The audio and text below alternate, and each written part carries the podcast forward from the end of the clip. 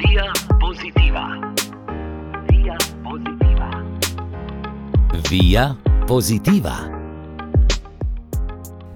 Prijazen pozdrav. V tokratni oddaji, ko smo v tednu vzgoje, smo k pogovoru povabili ravnateljico osnovne šole Prule, Majo Mehle. Dobr dan, želimo. Dobar dan.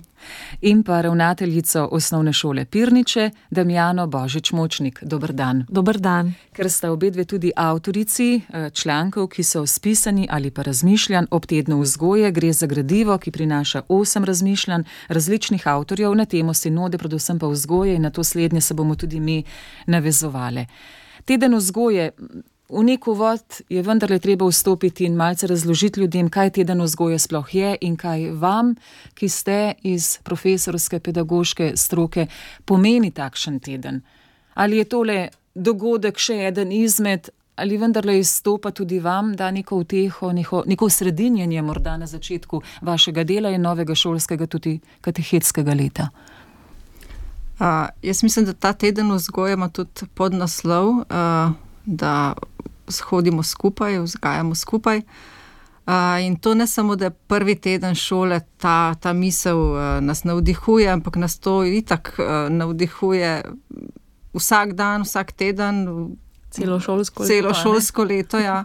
Ker to smo, pa ne samo doma, ne.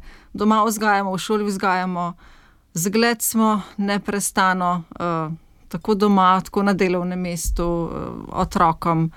Uh, tako da ta, ta tema je tako aktualna, uh, ne glede na letni čas in na, uh, Na čas in prostor, a ne. Tako. ne glede na to. Ja. Res je, kot pravite, gospa Maja, geslo letošnjega tedna vzgoje je v vzgoji hodimo skupaj. Pa vendarle še morda, gospod Damjana, za vas eh, ta teden ali v čem izstopa, ali kot pravi gospa Maja, na nek način geslo, tudi sporočilo tedna je mm, razporejeno čez vse leto, pravzaprav s tem živite in sobivate. ja, jaz mislim, da s tednom vzgoje eh, ja, začenjamo v tem prvem tednu septembra, oziroma od 5. do 9. kako je že. Letos od datum? 4. Od do četrt- 11. Tako, ja. In mi smo ravno v sredini. Ja, tako. Uh, no, skratka, um, menim, da brez vzgoje ne gre nikjer, ne doma, v družini, ne, ne na ulici, ne v šoli, ne v trgovini, uh, povsod. Um, mislim, da otroci, uh, tako kot je že Maja rekla, uh, za njih smo resen zgled.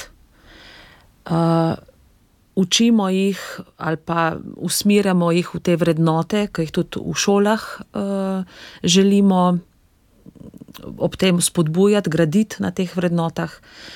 Uh, tako da tudi kot teden vzgoje hodimo skupaj, ja, mi hodimo celo šolsko leto skupaj, pa tudi v času, ko so otroci na počitnicah, mislimo na nje in uh, delamo vse te stvari, uh, da bo jim v šoli v redu, da bodo imeli eno varno učno okolje in s tem uh, tudi en, en lep zgled tudi nas odraslih.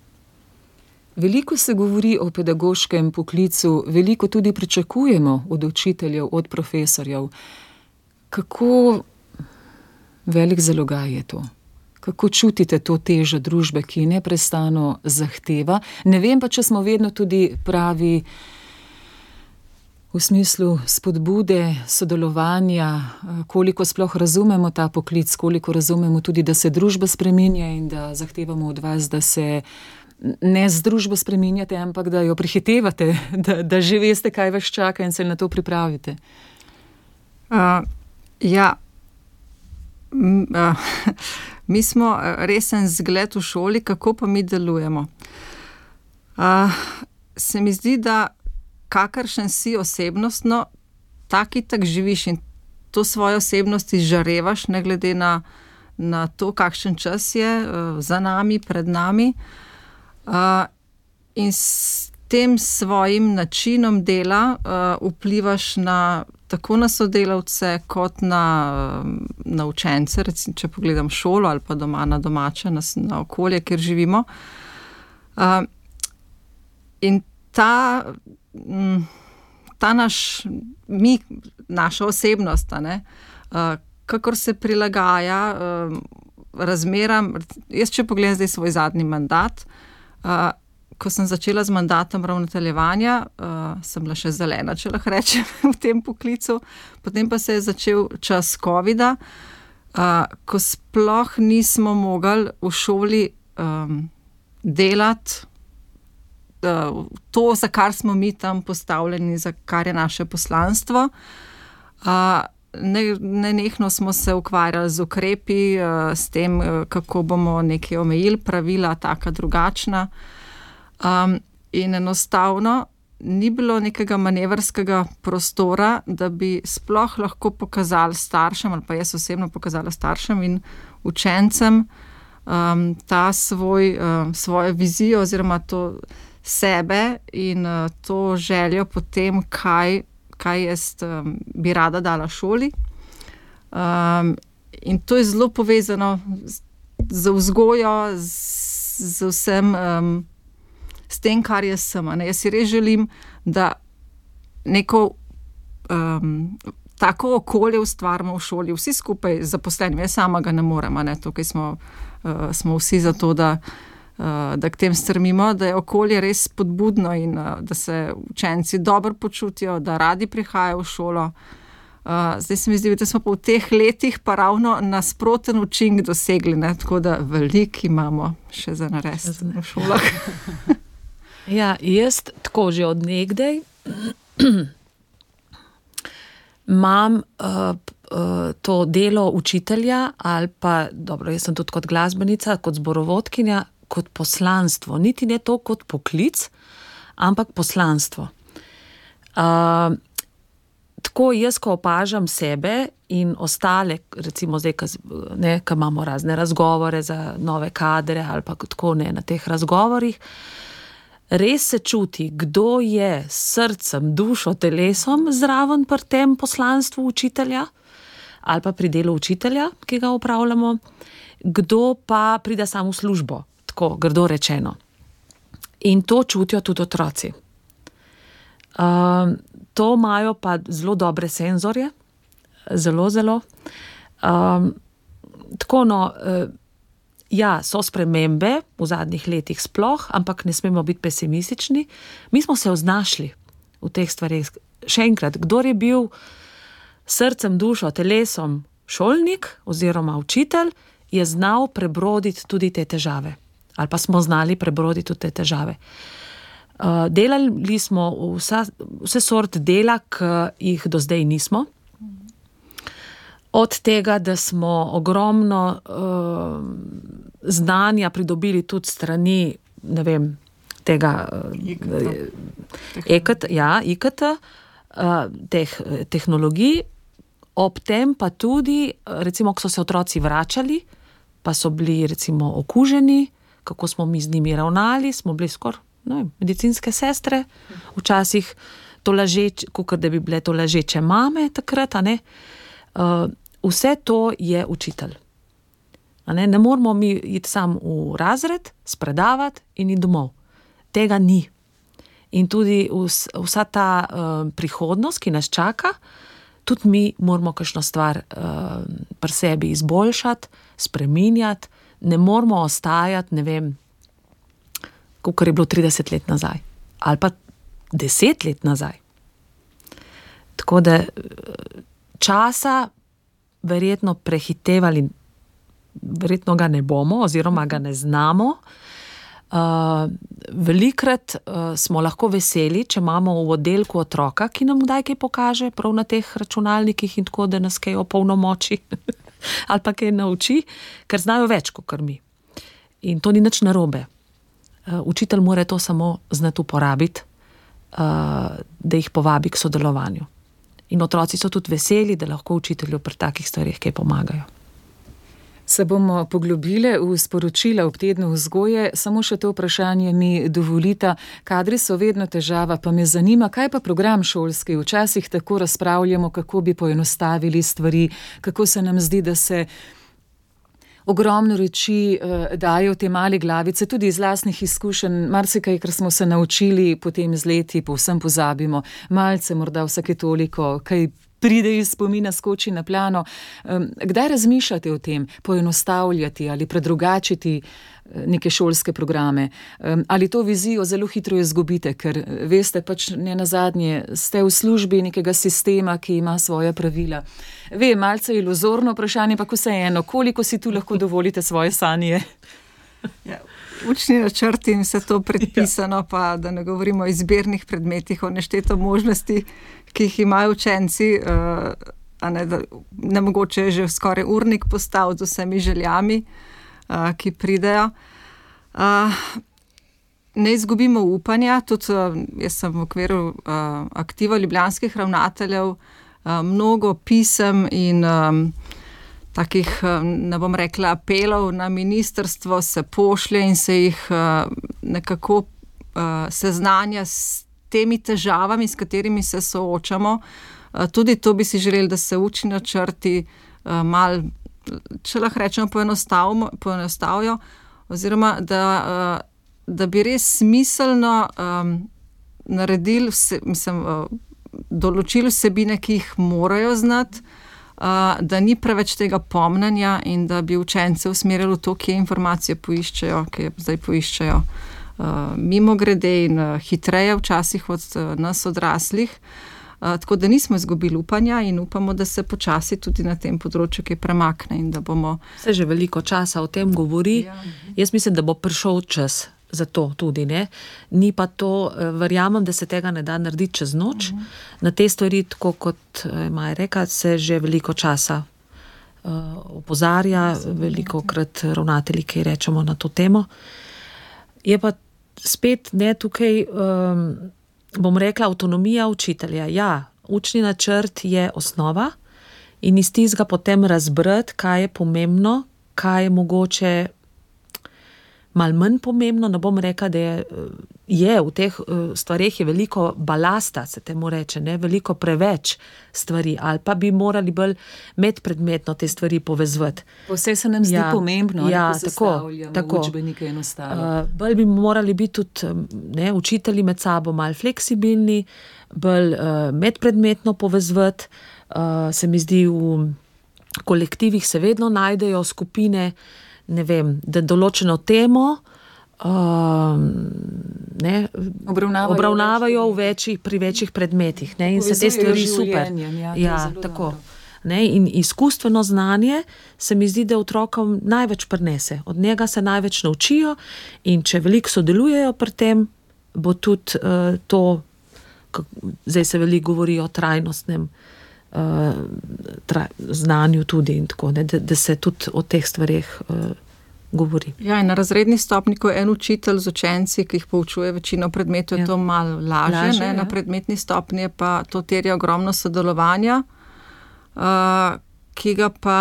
Uh, Ni, ampak zaradi urnikov in zaradi uh, čist logističnih težav, ker se učitelji težko sestajajo, uh, neprestano pa o tem debatirajo. Mi jim namenimo v avgustu, pred začetkom šolskega leta, tudi nekaj dni, da naj bi namenili temu, ampak koliko smo pa uspešni, no, oziroma je res avtonomija učitelja tista, pa se mi zdi kilometrina tistih učiteljsk, ki imajo že toliko in toliko let poučevanja za sabo in ki točno vejo, kaj je tisti temelj brez katerega učenec ne more napredovati, kaj bo res potreboval v naslednjem šolskem letu, da bo znova ali pa naprej v življenju. Uh mhm. -huh. Kaj je tisto, kaj lahko spusti. Tako da je velik na učitelju, da presodi um, ali bo neki tako do potankosti obravnaval, bo kakšno stvar mal. Spustom ali dal na stran, mogoče omenjeno. No. Zato bi bilo tudi fajn, da bi se več, uh, ne vem, vsaj predmetni učitelji povezali tudi uh, vem, z učitelji na srednjih šolah, vem, da se mal vidi ta. -huh ta prehod, nekakšen je, ker veliko krat se lahko zgodi, da pride otrok v srednjo šolo in ima kakšne uh, lukne. Mm. Znane, naše iluzije. Naše ne, iluzije, kaj bi lahko bilo dobro. Ja. Kako radodarni eh, ste s pohvalami? Jaz pohvalim takrat, kadar je potrebno, mislim, kadar je pohvala upravičena.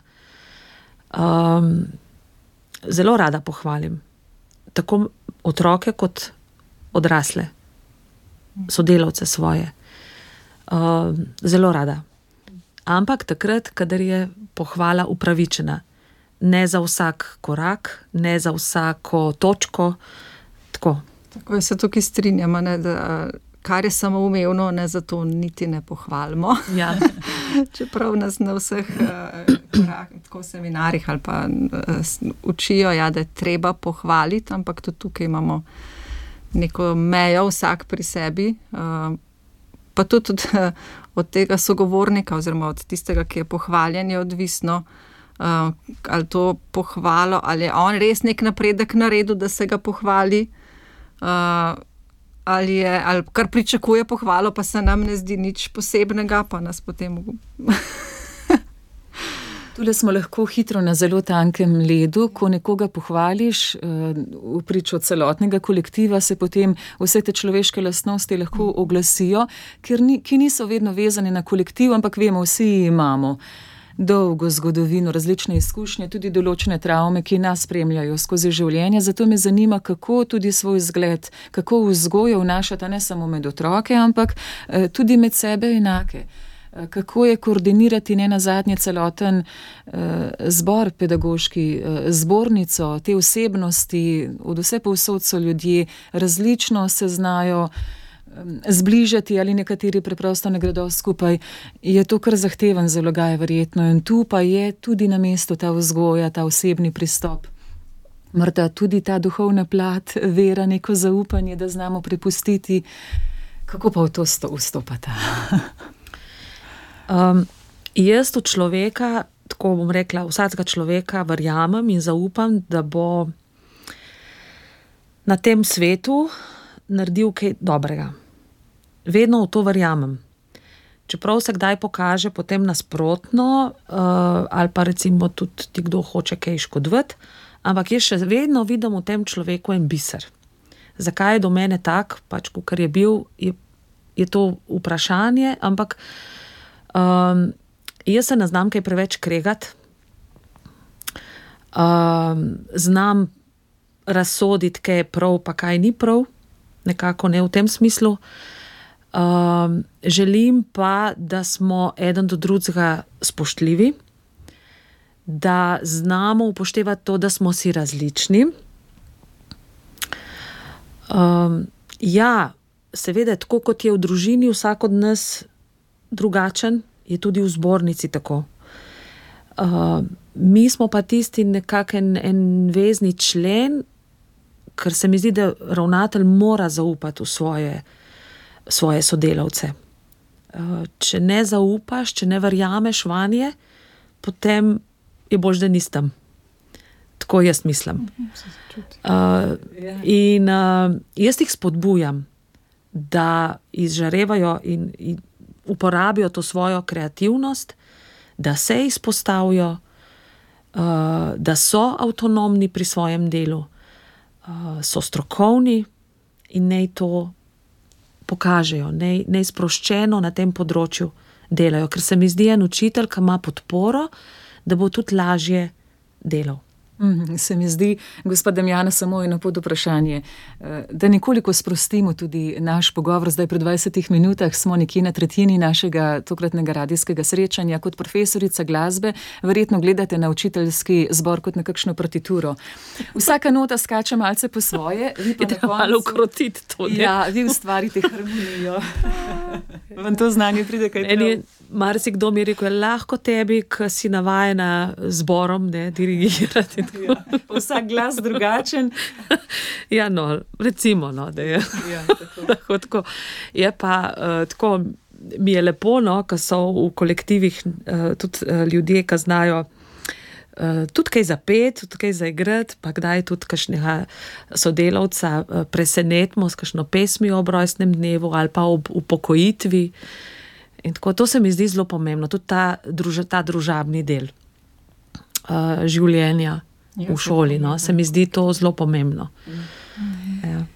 V tokratni oddaji Vija Pozitiva, ker smo v tednu vzgoje, gostimo ravnateljici iz osnovne šole Prule Majo Mehle, iz osnovne šole Pirniče pa Demjano Božič Močnik. Dragi dami, posebej gospa Maja, Zelo osebni ste bili v svojem razmišljanju ob tednu vzgoje. To gradivo je na voljo um, vsem, da ob njem tudi premišljujejo, ne samo da ga preberemo, pa na nek način dobimo neko novo izkušnjo, ampak da razmišljamo in to potem tudi vnesemo v celotno šolsko in tudi katehetsko leto, kot smo rekli. Ali vas tudi kot uh, ženo neke preizkušene družinske zgodbe obravnavajo drugače? Koliko osebnostno si dovolite, da se odprete, da vas poznajo? Da prodrejo v vas, in koliko zasebno lahko tudi stopi v ta kolektiv, ker vas zagotovo drugače ljudje obravnavajo, če vedo, ima izkušnje, ve, kako je z življenjem. Kot pa če pridemo iz fakultete, še sveži, polni iluzij, neke svoje predstave. Ja, uh, jaz po eni strani zelo rada govorim o tej naši preizkušnji, ker je to nek čudež, res jaz lahko pričam o tem, da nam se je zgodil čudež. Uh, v kolektivu vejo, ker sem ravno prišla na osnovno šolo Prule, sem se zaposlila in ravno tisto leto je bilo najhujše in je bil tudi ta uh, opisan dogodek. In sem res hvaležna gospodu Mercu, takratnemu ravnatelju, da mi je dovolil. Jaz sem bila v Italiji s sinom v bolnici, uh, pa sem nadaljavo opravljala svoje delo pomočnika ravnatelja. Uh, tako da v kolektivu vejo, uh, pa se mi zdi, da je prav, da vejo, ne zato, da name gledajo drugače, ampak zato, da se zavedajo, da sem jaz en običajen človek, tako kot vsi ostali. S svojimi težavami, vsak ima svoje stiske, meni se je zdela takrat ta, ta moja največja, nekdo ima mogoče um, neko ne vem, avtoimuno bolezen, pa se mu ta stiska zdi najhujša tisti trenutek eh, od nekoga, ne vem, otrok eh, hodi k logopedu, pa se temu staršu zdi to največja stiska tisti trenutek. Mi smo samo ljudje, samo starši, ki si res želimo za svoje otroke, predvsem, da bi bili zdravi, da bi se dobro počutili. In um, vejo, da sem verna, uh, tega ne skrivam, ne, ne um, um, uh, ne, ne, ne, da ne, ne povem na glas, ampak uh, te, uh, to, to, svojo, to, um, to svoje prepričanje um, brez težav povem. Uh, ne, po, ne usiljujem, oziroma pa ne prepričujem nikogar, zakaj in kako. Pa ne obešate na velike zvone, ne preprosto vedo, da po teh zgledih živite. Hmm. Samo eno pod vprašanje, morda tudi za vas, gospa uh, Damjana, ali je to sploh še tabu? Se še vedno presojamo, ta je veren, uh, ne vem, po kakšnih prepričanjih smo, ali te tabuje ustvarjamo ljudje, ki smo zunaj tega sveta, pa jih vlačimo s seboj v nove generacije. Jaz mislim, da to ne bi smela biti tabu tema, nikjer. In tudi, recimo, zakaj bi vem, ravnatelj moral vedeti, je kdo, kdo je veren, kdo, ni nevi, kdo je neveren ali pa karkoli. Se to sploh ni pomembno. Pomemben človek, vsak posameznik, tako kot je Maja rekla, smo ranljivi, tudi ravnatelji. Um, ne vem, jaz tega, kaj živim in kaj verujem, ne skrivam. Če me kdo kaj vpraša, povem še kaj več. Delujem pač profesionalno v šoli, tako kot se od mene pričakuje. Um, jaz sem zelo upeta v župnijo domato, domačo župnijo. Jaz sem že kot otrok, eh, ne vem, 12 let sem bila stara, sem v, Vipavski župniji vodila pevski zbor in sem te stvari delam š, recimo še zdaj, javno, vejo, recimo v crkvah sem bila 10 let ravnateljica. In so me videli uh, kot ravnateljico, kot organistko, kot uh, vem, vaščanko, ali ne vem, -huh. tako, če se temu tako reče. Uh, In v Pirničah je enako, jaz nisem razglašala, kdo sem, kaj sem, si to zdaj lahko pogooglajo. Ljudje. Včasih se mi zdi, da še več vejo, kot jaz sama. Ja, uh, tako da jaz se s tem ne obremenjujem. In tudi ne, obre, prosti, uh, ne obremenjujem tudi ostalih. Tako da se mi zdi zelo pomembno, živimo v takem okolju, uh, ne vem da tudi uskladimo vem, z verukom, recimo urnikom veruka in naš šolski urnik. Uh, to se mi zelo, zelo pomembno, da, da nimajo veruka ob 12, če imamo mi še pouk takrat. Uh mhm. -huh. Primer tak banalen. Uh, in uh, se mi ne zdi nič, ne vem, problem gospoda župnika poklicati, ali pa on mene, ali pa ne vem, predsednika krajevne skupnosti, če imamo kakšno stvar za urediti. Ne vem, se mi zdi, da moramo na ta način živeti in delati, odprto, iskreno. Če rabimo kakšno pomoč, poklicati.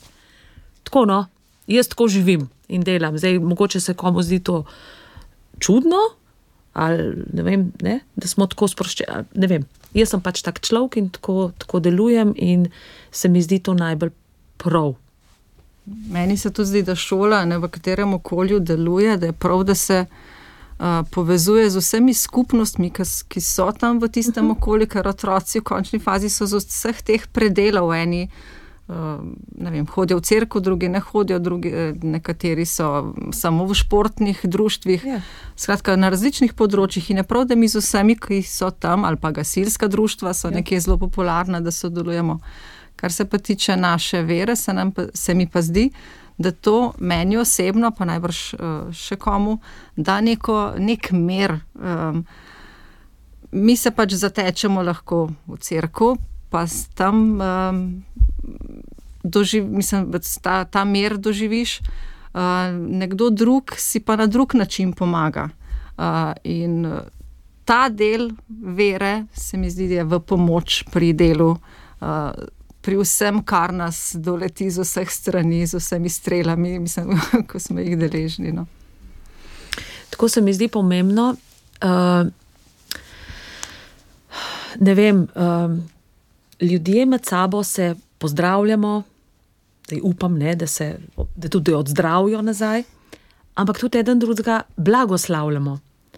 Uh, z mislimi, s pogledom, z nasmehom, Ne vem, se mi zdi, da je to uh, tudi del mojega uh, pričevanja oziroma poslanstva. Ali, gospod Jana, ker ste to omenili, res blagoslavljate v mislih, pošiljate lepe, dobre, spodbudne misli šoli, učencem, učiteljem? Pogosto? Pogosto. Jaz imam od doma do šole lihen tok časa zlik za en fajn rožoment. In ko pridem v piran, če rečem blagoslovi Bog vse te otroke tukaj, ki živijo, njihove starše, domače, ostale in tudi nas učitelje, da bomo znali, da v čas svetmu duhu je treba veliko moliti. Um, in se vse reši. Potrpežljivo. To je, to je prosim? S potrpežljivostjo. S potrpežljivostjo, ja. Um, svet duh živi, kaj dela. Ne moramo dobiti takoj. Tako kot je Maja rekla, da je čudež se zgodil, a ne, pri njih doma se čudeži dogajajo, mali čudeži, se ni treba, da ne. Tudi v, v šoli ali pa med otroki. Tako. Včeraj, eh, gospa Maja Mehle, smo brali vaše spodbudno razmišljanje ob tednu vzgoje, ob tem tudi premišljali, se potem s hvaležnostjo ozirali na vse, kar se je dobrega, čudežnega morda zgodilo in se dogaja v naši realnosti. Lahko na hitro opišete vašo preizkušnjo. Predstavljati si ne morem. Operacije po vsem svetu, Izrael, mislim, kakšna je bila vaša pot? Um. ko te enkrat doleti to, ko, ko zveš, da je nekaj res hudo na robe z otrokom, takrat se ti svet sesuje in takrat sam ne moreš niti stati. Uh, potem pa jaz moram reči, da imam srečo, da živim, oziroma da sem rojena v uh, širši družini, pač v naši žlahti, spravo ta naša žlahta, ki je res, res mnogo številčna, ker imam podporo vseh, se tudi velikrat družimo in so mi res v pomoč. Um, in ko, smo, ko sem s sinom šla, naprimer v Izrael, šla z mano sestrična. Ko sem šla v Italijo, šla z mano drugo, druga sestrična, potem je šla moja najstarejša hči, pa mož. Ker je bilo to več operacij, večkrat smo šli po svetu. Uh, no, maja letos v, je, bil, je imel poseg v Nemčiji, je, je šel mož z mano. Uh, skratka, uh, sin ima hudo srčno napako, brez leve strani srca se je rodil. In uh, brez neš, več operacij pač ne bi mogel živeti. Uh, in uh, ko je šlo res vse na robe, uh, ko uh, zdravniki rečejo, da, da ne znajo več pomagati, naj se posloviš od otroka. Takrat sem jaz začutila en tak živalski nagon v sebi, ki ga sploh ne znamo pisati. In sem samo šla mimo vseh tistih informatorjev, do zdravnikov, kako mi je takrat uspelo, da so potem sicer medicinsko osebje, no, da je uredilo let medicinski v Italijo. Uh, ne vem, še danes ne vem, če bi šla zdaj razumsko v to, ne, kaj vse je potrebno, kakšni koraki, ne vem, kako mi je to takrat ratal. Uh, skratka, sina so, uh, to je bilo leta 16. decembra, uh, sprejeli v Italiji, potem v bolnici. Um, In tak, tam so nam rekli, da hodimo po robu balkona, uh, njemu so odpovedovali notranji organi. Res, uh, če še vidim sliko pred sabo, kakšen je on ležal takrat. On je bil mesece intubiran, se pravi v umetni komija. Uh, to, to so res ne take preizkušnje, doma pa so vse čas molili. Pri moji mami, se pravi pri mojih starših, so se zbirali sorodniki, znanci, mladina, od moje hčere, sošolke, sošolci, prijatelji, vsak večer so molili. To, to je bilo več mesecev molitve, ker je tudi ta, to okrevanje, oziroma to zdravljenje potekalo več mesecev. In to je res tako neverjetno. Uh, in moja hči, takrat je bila stara deset let, to, to v življenju ne bom pozabila. Ona je seveda zvečer zmolila, ne pa tudi zraven. In je enkrat rekla, v bolnici no, stane se pa samo slabšalo. Reka, mami, zakaj ni boljš, če jaz molim? In se tako zamisliš, si rečeš, ampak res, zakaj ni boljš, ker to je trajalo tedne in tedne, pa nič boljš. Ne? Kaj reči otroku, deset let starmu, zakaj ni boljš? Nimaš odgovora. Uh, in res imam sorodnike v Nemčiji, v Ameriki, tudi tam so molili, tudi na radio ognišče, ko so ob 12 molitve smo sporočili, pa je cela Slovenija molila za mojega sina. Uh, Skratka, to je bilo res tako nevrjetno in ta moč molitve. Res se je obrestvala in jaz sem takrat samo molila v Italiji, sva z možem hodila v tisto kapelo v bolnici. Uh, in sem samo molila, Marija, ne mi vzeti sina, ti veš, kako je, če zgubiš sina, jaz tega ne bom prenesla, samo ne mi to narediti. Uh, in zanimivo tudi uh, v, v Italiji, tam gospod Župnik v bolnici ni znal besede na angliško, še manj pa slovensko jaz pa italijansko, ne pa mož tudi ne. Pa smo se vse zmenili, pa imamo mašo za nas, pa za otroka. Skratka, tam, ko, ko si, pa ne morem reči primoran, ampak ko si v tisti situaciji, narediš vse. Um, na srečo se je vse tako poklopilo, da je zdaj sin deset let, je star bil zdaj poleti.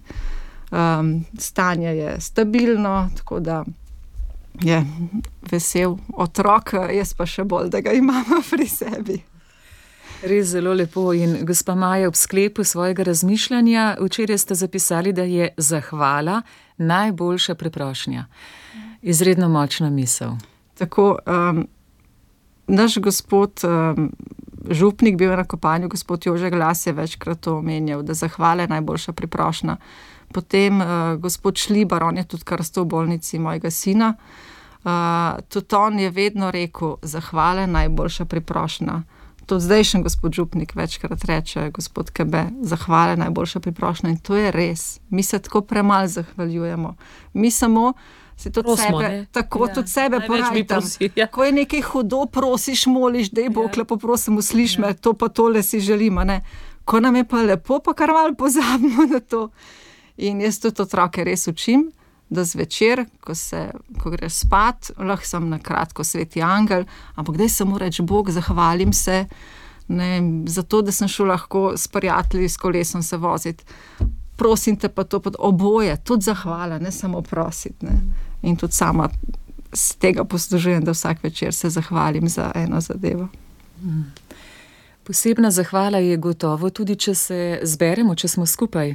Jutri bomo pa vaše razmišljanje, gospod Demjana, brali, ko pravite, da sveda že iz svetega pisma vemo, da človeku ni dobro samemu biti in zdaj v tem času, ko smo preprosto bom tako rekla, zelo z lepimi slovenskimi besedami, brez tujk. Spodbujali smo ljudje, pojdite vase, poiščete čas zase, odkrivajte sebe in svoj notranji svet. Seveda, to je zelo pomembno. Ampak to vedno ob tem, ko smo v skupnosti. V skupnosti spoznavamo najbolj sebe. Vse, če smo na svojem, ni izzivov, smo pomirjeni, vse je tako, kot nam paše, si že tako ustvarimo okolje interese, če smo pa v skupnosti, tam se pa brusimo in tam najbolje spoznamo, kdo smo, dokot lahko sežem, kje so še moji izzivi in pravite, hoditi skupaj vedno in povsod, vse povsod. Vse povsod, ja. Ne vem, je že kot Mičkana, ne vem, mi smo bili velika družina, nas je bilo pet otrok. Uh, je že to ena skupnost večja, kjer se krese, krešeš, ne? Ja uh, oziroma oblikuješ, uh, nekako se naučiš počakati, počakati v vrsti. Recimo, pr primer v šoli je tudi, je treba to znati. Počakati v vrsti za, vem, za malico, za kosilo ali karkoli. Potem, recimo, ne vem, ved, jaz si težko predstavljam, da bi bila sama. Ker sem zmeraj navajena, da sem obdana z ljudmi, mladimi, malo manj mladimi, starejšimi. Edino kot ravnatelj si sam, ko sprejemaš odločitve. Takrat, ne, Maja, takrat si sam, noben ti ne more pri tem karkoli pomagati, podpišeš se, sam odločaš o teh stvarih. In zaradi tega pravim, da je treba imeti fajn sodelavce ob sebi, um, fajn svetovalce na ministrstvu, recimo, če je kakšna taka stvar za uh, pri takšnih odločitvah sprejemati. Ja, jaz menim, da moramo znati, ali pa nuja je, da hodimo skupaj, vedno in vse povsod. Lažje nam je. Lažje nam je. Nosite bremena eden, drugih, eden drugmu, ne, je tudi uh, zelo pom, pomenska zadeva. Ne. Čeprav, če si nalijemo čistega vina, včasih bi pa kaj, kar najraje odložili, Odloži, se bomo ja. izognili. Ja. Ne? ne videli bili ne blizu tistega. Ja. Ampak ne vidiš, ne boli, pravijo. Samo to ni pravi recept. Ne, ne. Ni, ni pravi recept. Tudi, recimo, ne vem, jaz sem taka, če bi vem, na ulici videla, da se dva otroka pretepata, gotovo bi šla zraven, pa čeprav niso naši neznanci, rečemo, ne poznani ljudje, ali pa ne, ne moreš iti mimo.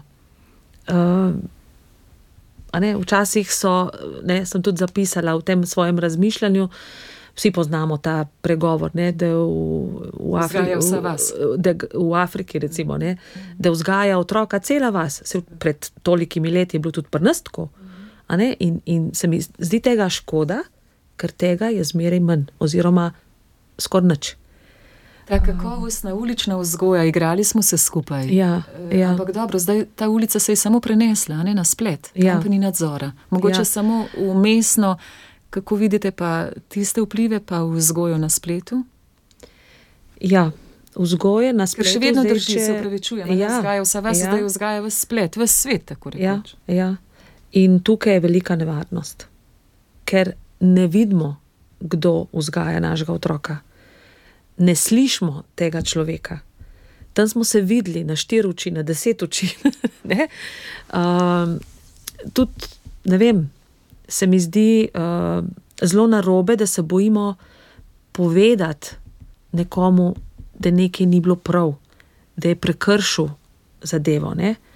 Uh, meni se zdi to zelo prav, da se pogovarjamo ljudje med sabo, tudi če se ne poznamo.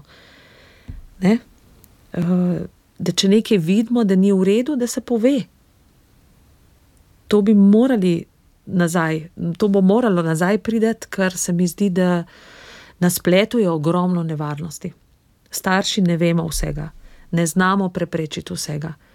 Uh, če pa seveda opazimo, da je nekje na spletu uh, nekdo uh, ogrožen, ali pa ne, in tako, je tudi treba upozoriti. Če sami ne znamo, je treba, ne vem, tiste, ki so za te stvari kompetentni, recimo vem, policija, uh, ne, da te stvari razišče, če pride do spletnega nasilja ali kakorkoli. Pri tej misli bi morda postala še nekoliko, ker se mi zdi zelo dragocena, ko ste rekli, da je dobro povedati, ko kdo ne naredi kaj prav.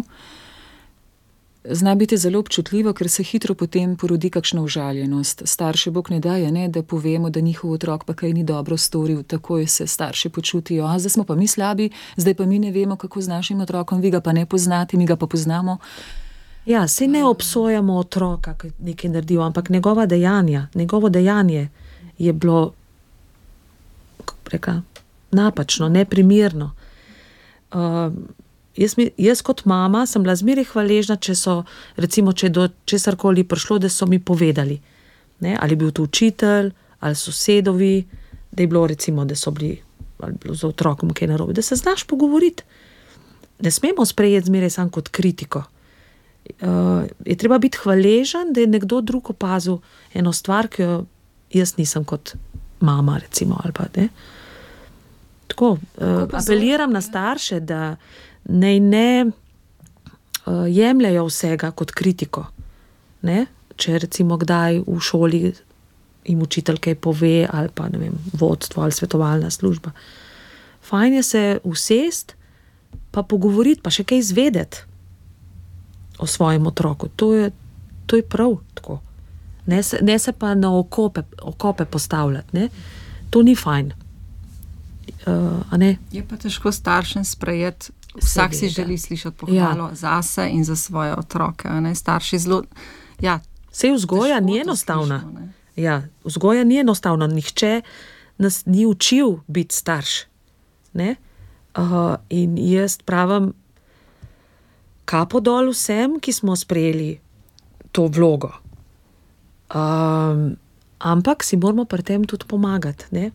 Tako kot se moramo znati pohvaliti, je treba znati tudi povedati, kaj je narobe ali pa kaj, kakšne pomankljivosti ali kaj takega. Hmm. Gospa Maja, no se obe dve, tudi gospoda Jana, sta ženi, sta materi, seveda potem ravnateljici, še prej učiteljici, profesorici. Se tudi vi dve učite, kako povedati, kako prav izbirati besede, ko želiš koga upomniti, upozoriti, že doma, ne pri svojih, kakšnemu lažje kaj poveš. Veš pa, da je med so rojenci tudi kakšen bolj občutljiv, ker je treba pa malce bolj zbirati besede, da bo prav razumel, kaj šele potem, ko imate pred seboj več sto otrok. Tako, enako je doma, jaz imam štiri otroke, ali pa v uh, kolektivu, ko je 80 zaposlenih. Nekomu boš na uh, direkten način povedal, zelo direktno, kaj, kaj je mogoče, kje ga je pobiksal, no, oziroma kje nekaj ni. v redu, kaj, v redu, kaj ni v redu opravo. Enako je doma pri svojih otrocih, eden je občutljiv, bo potem užaljen, se bo zaprl v sobo, drug se je mal nasmejal, zamahnil z roko. Različni smo se in tudi mi, uh, pa ne da želimo biti drugačni, ampak zato, da bi dosegli, da bi sporočilo doseglo na meni, uh, najbrž malo drugače povem, ampak to že avtomatsko verjetno delamo. Ja če se samo navežem, uh, prej te pasti spleta. Uh, jaz mislim, da mi, ki smo tudi vajeni živeti v neki širši skupnosti, mislim, več, ja, uh, pri nas na vas je tako, lahko rečem, skoraj pol vasi našega sorodstva. Uh, in ne da vzgajamo en drugega, ampak uh, enostavno te naše odnosi, naš zgled, kako smo mi prijatelji med sabo, kako sodelujemo, kako si znamo pomagati, uh, kako lahko drug drugega prosimo za pomoč in tudi dobimo pomoč. In to naši otroci vidijo, zelo dobro vidijo.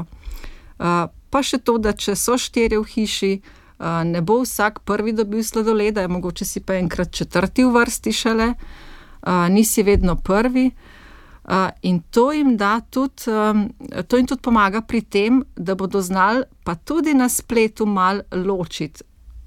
Vsi ti odnosi v družini zelo, zelo vplivajo na to, čemu bodo podlegli, če lahko tako rečem.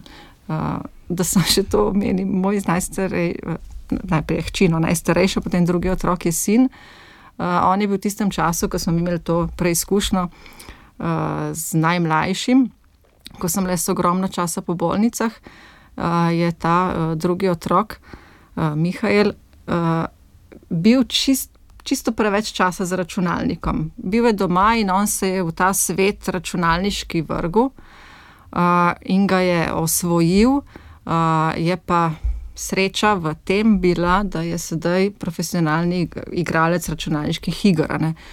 Ni vedno samo slabo, se zna tudi kaj dobrega z tega. Ja, sigurno. izpeljati. In zna upravljati s časom. Vem, da ve, da je to zdaj delo, namensko uporablja s spletom, Tako, to je ima služba. zdravo presojo. To je njegova služba. Ja, ja. Uživa pa tudi prosti čas v zelenju. Uh, pravzaprav je on zdaj živi v Nemčiji, tam so te igravci.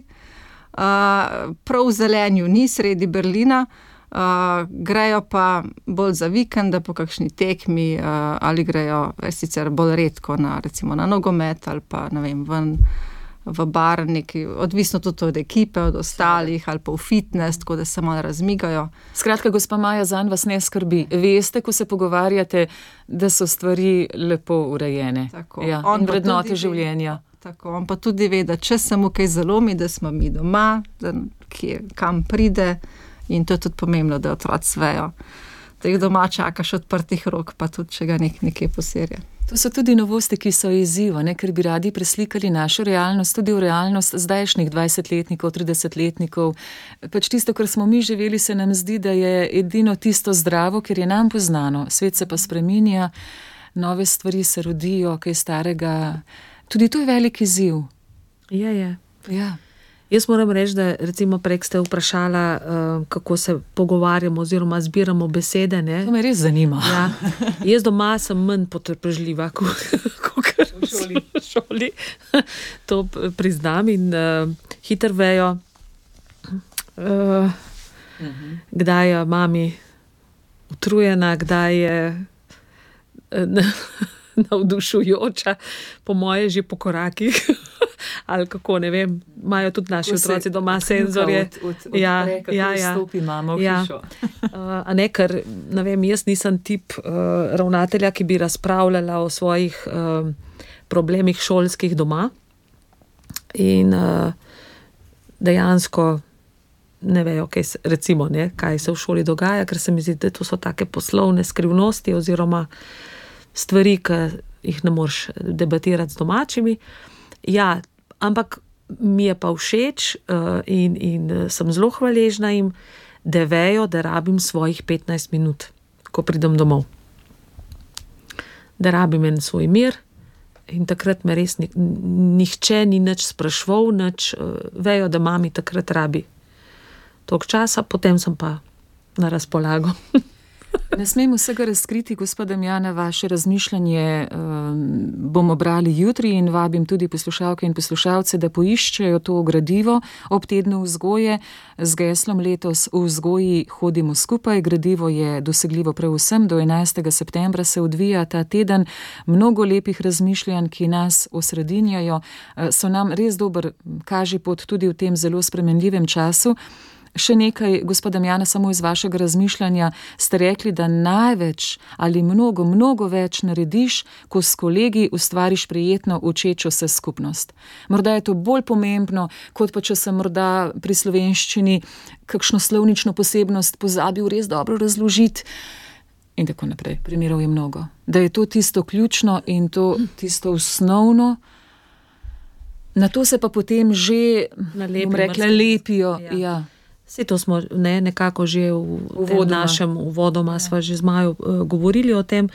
Ja, zelo pomembno je, da otroci začutijo, da so učitelji med seboj povezani, da si pomagajo eden drugemu, da varnost, sodelujejo. Tako kot med staršema, recimo. Ja. Ja. Ja, to je enako kot odnos med eh, mamo in očetom.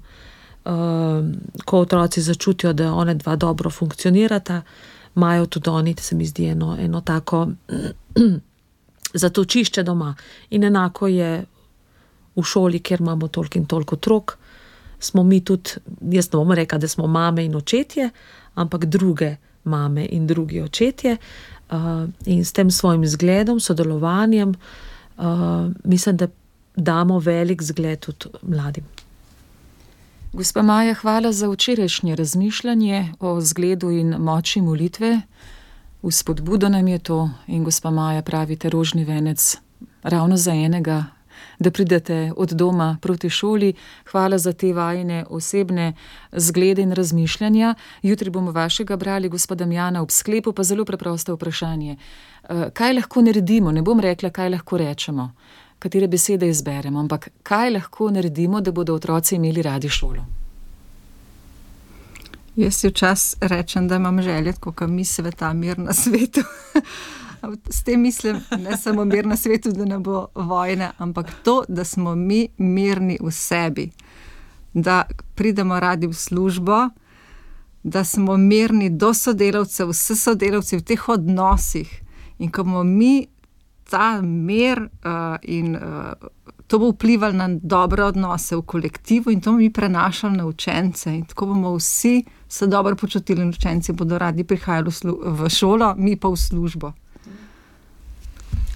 Ja, jaz včasih uh, rečem, ne, da je šola njihova služba, prihajanje v šolo. Ne. Obveznosti. Ja, ne, so obveznosti, um, ampak uh, tudi kdaj rečem, si eden tistih otrok, ki lahko hodiš v šolo. Um, koliko je takih otrok, ki bi si tega želeli, pa verjetno nikoli tega ne bodo um, občutili oziroma okušali. Tako da mali treba uh, tudi naše otroke uh, malo spomniti na to, da imeti možnost se izobraževati ni samoumevno. Nekako nam se zdi, da je samoumevno, ampak koliko je otrok na svetu, ki bi to radi izkusili, pa najverjetneje ne bodo. Tako da, uh, pa da so zdravi, da so poslani v šolo, da so jih starši v šolo poslali zato, ker so zdravi, uh, da jim hočemo dobro, da, da jih hočemo marsikaj naučiti in naj to. Znanje, jaz večkrat sem tudi svojim učencem rekel, da je vse antene priklopiti, pa poslušati, spremljati, gledati. Um, uh, če te stvari delaš že med samim poukom, bo več časa doma ti ostalo za igro, za prosti čas, ti ne bo treba še enkrat obnavljati stvari. Um, tako, pa, da so sodelovalni. Mi, učitelji, radi vidimo, da otroci sodelujejo, ne da pridejo samo sedeti, ampak res, da so sodelovalni, da so aktivni. Danes dopoldan sta zagotovo kaj od tega, kar sta delili z nami, eh, povedali tudi učencem, predvsem tistim prvim, ki radovednih uh, oči stopajo zdaj v novo okolje, v šolski prostor. Uspešno leto uh, želimo. Iskrena hvala za prijeten pogovor, za iskren pogovor. Iz osnovne šole Prule smo gostili ravnateljico gospo Majo Mehle, iz osnovne šole Pirniče ravnateljico Damjano Božič Močnik, seveda tudi gospo obedve, tudi ženi in materi. Hvala lepa, ker v vzgoji hodimo skupaj, ker sta v tem zgled. Hvala tudi vam. Via pozitiva. Via pozitiva. Via pozitiva.